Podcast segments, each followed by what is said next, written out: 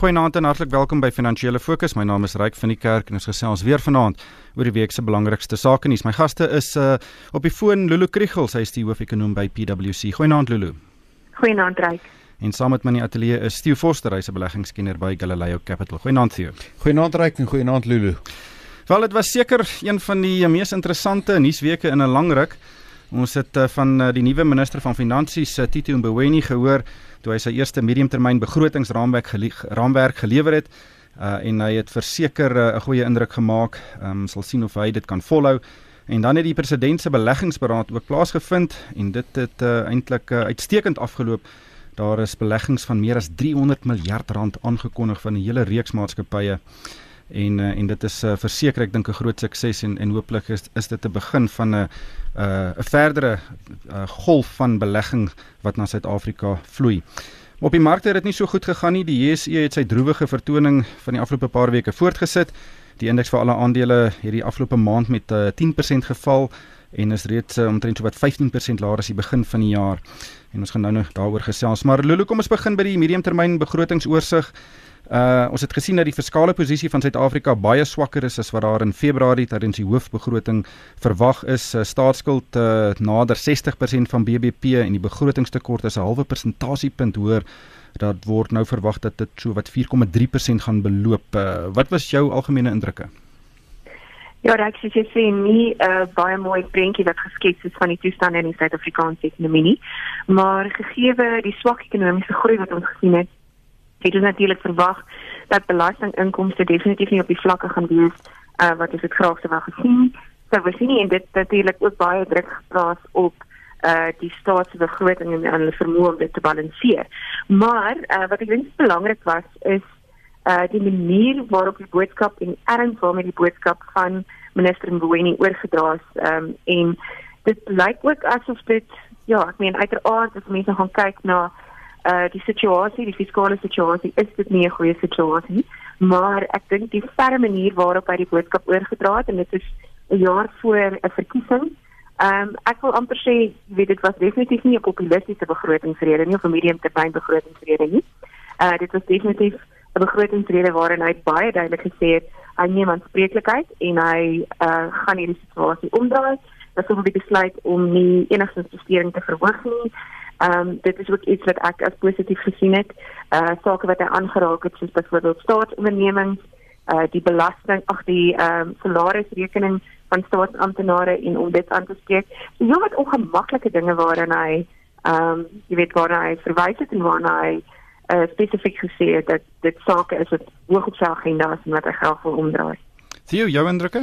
Ek stem 100% saam met Lulu. Ek dink 'n mens moet dit in twee amper in twee dele na kyk. Die eerste is die weergee van die syfers en dit is 'n vrotstel syfers. Die afgradering van ons ekonomiese groei, die vergroting van ons tekortvoorlenings, die vergroting van ons totale skuld. So wanneer hy gepraat het oor die stand van die ekonomie en amper hulle siening weergee waar ons nou staan, het dit 'n swak prentjie geskets en daar's geen kwessie daarin ons ekonomie is op die oomblik in 'n moeilike situasie en daar's heelwat rooi ligte. Maar dan aan die ander kant, die manier en amper die gravitas waarmee hy sekere aspekte kon aanspreek, dinge wat amper onaangelaat kon raak waaroor jy nie kon praat nie. Soos om te sê die muur tussen die privaat sektor en die openbare sektor moet moet iets aan gedoen word. Dit moet verval. Die privaat sektor moet 'n groter rol speel wanneer dit kom by staatsbeheerde entiteite dat die probleme aangespreek moet word. En dan sommer ook direk kaalvuis ingeklim het onder departemente en projekte wat nie werk nie. So ek dink aan die een kant ons het geweet ons ekonomie is onder druk maar aan die ander kant die manier waarmee die probleme aangespreek word en wat dit na gekyk word is vir my baie positief. So ek dink die vraag wat jy natuurlik moet vra is as 'n mens al hierdie goeters aanspreek tot in watter mate kan hy dit doen tot in watter mate gaan hy dit regkry en tot watter mate is hierdie elemente moontlik maar ek dink ons is definitief op 'n ander bladsy. Lulu, ek hoor nou wat jy sê, maar Uh, die die vooruitsigte wat ook geskets is deur die mediumtermyn begroting is ook maar swak. Uh hmm. die groeikoerse koerse oor die volgende 3 jaar gaan nie oor 1,5% nie as ek nou reg kan onthou. So daar word nie eintlik verwag van 'n regeringskant af dat ons 'n uh, 'n vinnige omswaai gaan sien nie. Uh, hoe hoe dink jy dis miskien te konservatief of is dit maar baie realisties? Wel, raak ek jy kyk na die regering se vermoë om vanuit 'n fiskale perspektief enige stimulus of enige daadwerklike stimulus vir die ekonomie te gee en te veroorsaak deur besteding, dink ek dit is heeltemal uh verstaanbaar uh, dat hulle hierdie uitkyk het. Wat dit wil omdraai natuurlik is ehm um, as daar beter samewerking tussen die private sektor en die staatsdiens en die regering is en dat ehm um, die die private sektor uiteindelik gaan begin intree in daai posisie om ekonomiese groei te stimuleer.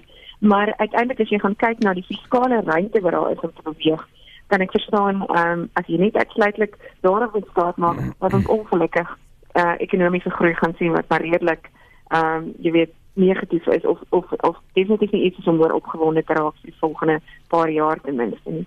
Nee, ek ek dink eh, dis heeltemal dis heeltemal reg. Nou moet 'n mens ook onthou hierdie is 'n begroting wat beteken jy amper probeer weergee die syfers wat jy tot jou beskikking het, maar om die ekonomie aan die gang te kry, die staat het nie kapasiteit nie. Ons sien waar die staat se leningskapasiteit is. Ons sien tot watter mate Suid-Afrikaners belas word. Ons het self gesien waar ons skuldvlakke gaan eindig. So die die staat kan dit nie doen nie. En daarom raak dit al hoe belangriker dat 'n mens privaat sektor kapitaal moet bytrek. Nou wil jy by byvoeg dat sedert die sedert 1945 is hierdie die langste periode wat die sta, wat wat die privaat sektor deel van die ekonomie onderdruk is. Dit is beduidend onderdruk. Dit is nie besig om tot 'n groot mate by te dra tot ekonomiese groei nie. En dis waarom goed soos die beleggingskonferensie daai daai daai amper die sneller moet gee. Matthew, wat is die rede daarvoor? Is dit net uh, Jacob Zuma of is daar ander redes ook?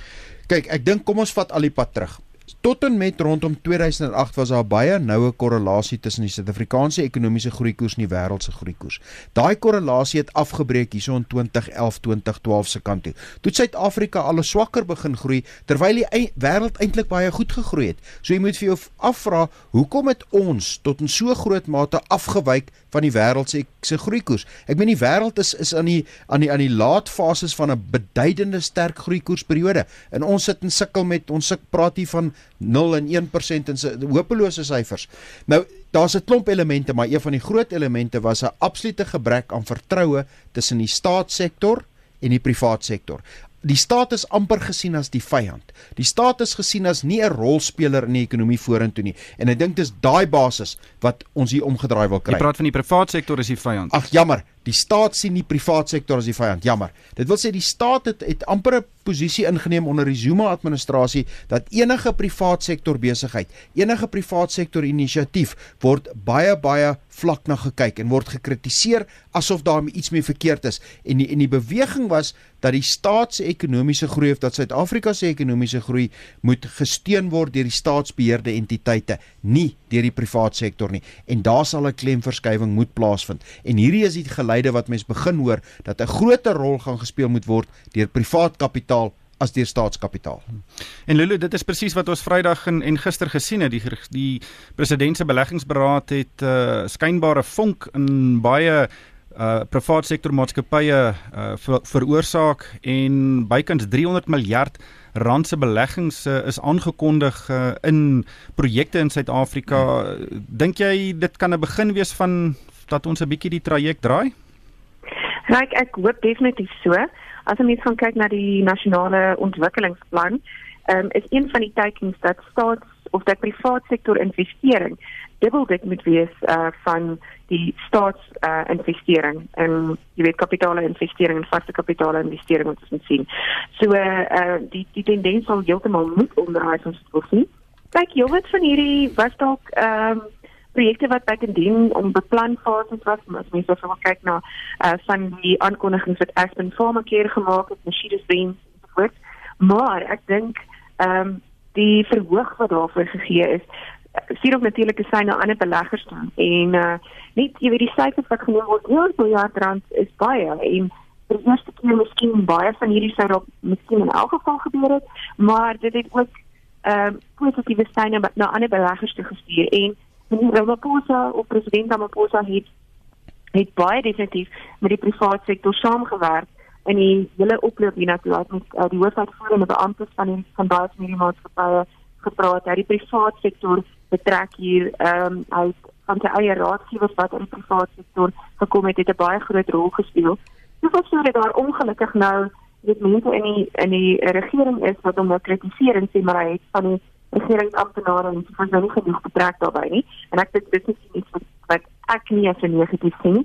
Ek dink dit is baie definitiewe en positiewe sein van hom uh, wat hy uitgestuur het om te sê dit gaan oor die private sektor en ons werk met die private sektor saam. Die private sektor moet uiteindelik ehm um, die leiding neem en dit vir my baie positief en ook om te verhoog was waar ons al hierdie goeie nuus op ons kon hoor en dit in die wêreldmarkte ingaan. So hopelik gaan dit uh, gaan dit ander beleggings ook en ander beleggers te uh, uitkyk en sien in Suid-Afrika ja. verander. As groot maatskappye soos Anglo en Mercedes sê ons beleef met Afrika. Theo, ehm um, die president het twee toesprake gemaak, uh, een Vrydag en een gister. Uh, ek het die een gekyk Vrydag wat fenomenaal was. Ek moet sê hy het vertroue ingeboesem en en ek het na die tyd met uh, Steve Binney gepraat. Hy's natuurlik die uitvoerende hoof van Sappi en hulle het omtrent 8 miljard rand belê in Suid-Afrika en ek het vir hom gevra, het die politieke onsekerheid julle belegging uh beïnvloed of die besluit om my belegging te maak. Toe sê hy verseker, hulle het dit dit was een van die punte wat hulle oorweeg het. Hulle doen sake reg oor die wêreld. Hulle kon daai fabriek enige plek gebou het. Uh dit het ten minste dit vertraag. Ryk ek ek stem saam met jou. As 'n mens byvoorbeeld vat in in, in Lulu het nou genoem Mercedes-Benz se aankondiging was in Julie gemaak reeds. Hulle het nou weer bevestig. Ek is nie soveel dit, dit pla my nie soveel dat van hierdie goed in die pipeline was nie. Die punt van die saak is mense is besig om vorentoe te kom en 'n nommer op die tafel te sit en te sê ons gaan dit doen. Nou die die die in die verlede as jy gaan terugkyk, ons was in 'n posisie vasgevang wat ons ekonomiese groei het absoluut weggeval en ons staatsstelsel was soort van gekaap en was was nie regtig reg bestuur nie. So jy het, jy het amper in 'n kwadrant gesit wat jy van die politieke kant was dit negatief en die ekonomiese kant was dit negatief. Nou begin ons om die politieke element terug te vat na 'n meer rasionele, deursigtige, demokratiese proses en dan betrek jy die private sektor. So ek dink waar ons op hierdie stadium is is dis 'n heeltemal 'n ander prentjie. Dis 'n ander gesprek en 'n mens begin daai gesprekke hoor in die wandelgange wat daar wat daar weer gepraat word van geleenthede nie net van om geld uit te vat in die buiteland want dit was amper die tema in die laaste dele van die van die Zuma administrasie. Lulu net vir interessantheids uh, ontwil uh, hier's nou baie afwagting word nou gemaak of baie word gemaak van hierdie 300 miljard rand en daar's 'n teiken van 1.4 triljoen rand of uh, 100 uh, miljard dollar hang af nou wat 'n wisselkoers mense gebruik. Mm. Wat is die tipe van beleggings wat ons jaarliks moet kry om ons ekonomie 'n bietjie 'n skop te gee?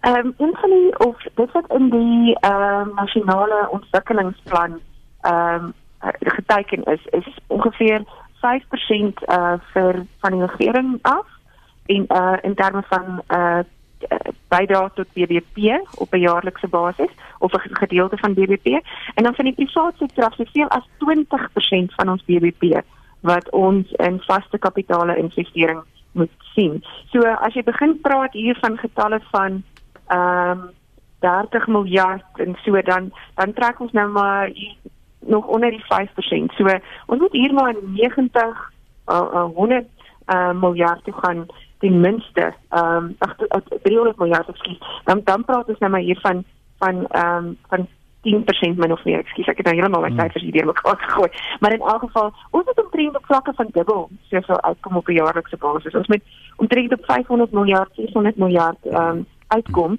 om net die agterstand wat ons die laaste paar jaar gehad het te begin inhaal en dan uiteindelik by daardie teiking van die nasionale ontwikkelingsplan vir omtrent 20% van BBP uit te kom. En en dit is dis ideaal wat mense wil sien um, in 'n gesonde ekonomie uh, waar uh, jy uiteindelik 'n ekonomie wil skep wat gedryf word deur ehm um, die vervaardiging en deur industrialisasie en ehm um, tegnologiese ontwikkeling en nie noodwendig deur verbruiksbesteding in hierdie staat nie.